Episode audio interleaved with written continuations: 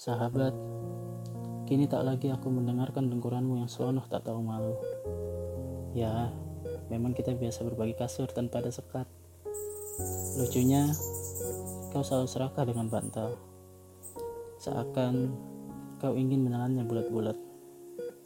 Lucu ya memang. Terkadang kita tak begitu akur, sehingga kau memilih untuk tidur di tempat lain.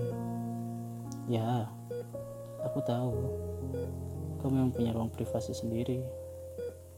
Aku ingat bagaimana posisi tidurmu yang suka meringkuk dengan lekuk bodi gempamu. Khas sekali. Sahabat, pagi ini kau tak meminta makan kepadaku. Mengapa? Ah, mungkin kau sudah kenyang. Atau mungkin kau tengah ikut program diet karena sering ku ejek gemuk.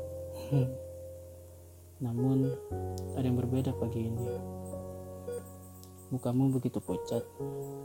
Apakah kau sakit? Apakah kau masuk angin? Apa mau kau antar ke dokter? Aku melihat tatapanmu begitu dalam kepadaku.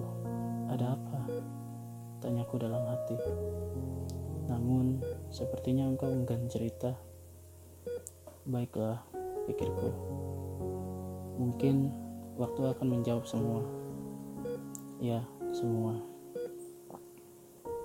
Sahabat, langit sudah mulai jingga. Mengapa kau tak jual makan? Ayolah, dia tak perlu se ekstrim itu. Apakah bosan dengan makanan itu? Baiklah, akan kubelikan yang baru ya. Nampaknya sajian makanan itu tak begitu menarik di matamu. Ternyata memang kau hanya bosan dengan makanan itu. Kali ini aku melihatmu makan, namun kenapa hanya sedikit? Itu pun harus dengan sedikit dorongan agar kau mau makan. Sahabat, malam ini kau begitu murung dan selalu menyendiri. Mengapa? Mukamu juga makin pucat. Nampaknya kau sakit. Mari kita ke dokter ya.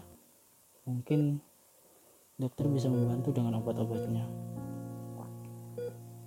Sepanjang perjalanan, kau hanya terdiam saja. Berbeda dengan biasanya. Pribadimu yang begitu antusias tiba-tiba hanya terdiam, dingin seperti ini. Ya sudah, mari kita masuk ke klinik. Dokter sudah menunggu di ujung koridor sana. Bahkan senyum dokter pun kau abaikan begitu saja. Mengapa? Baiklah, mungkin sudah ada yang tidak beres.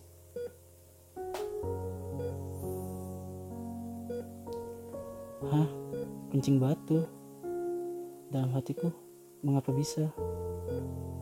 Lemas rasanya pada saat dokter menjelaskan itu. Dan tak sengaja aku menoleh ke arahmu dan kita saling bertatapan. Lagi-lagi tatapanmu begitu dalam kepadaku. Dokter pun memberikan beberapa resep agar bisa mengikis batu yang mengganjal saluran kencingmu. Semoga ini pertanda baik. Ya, semoga.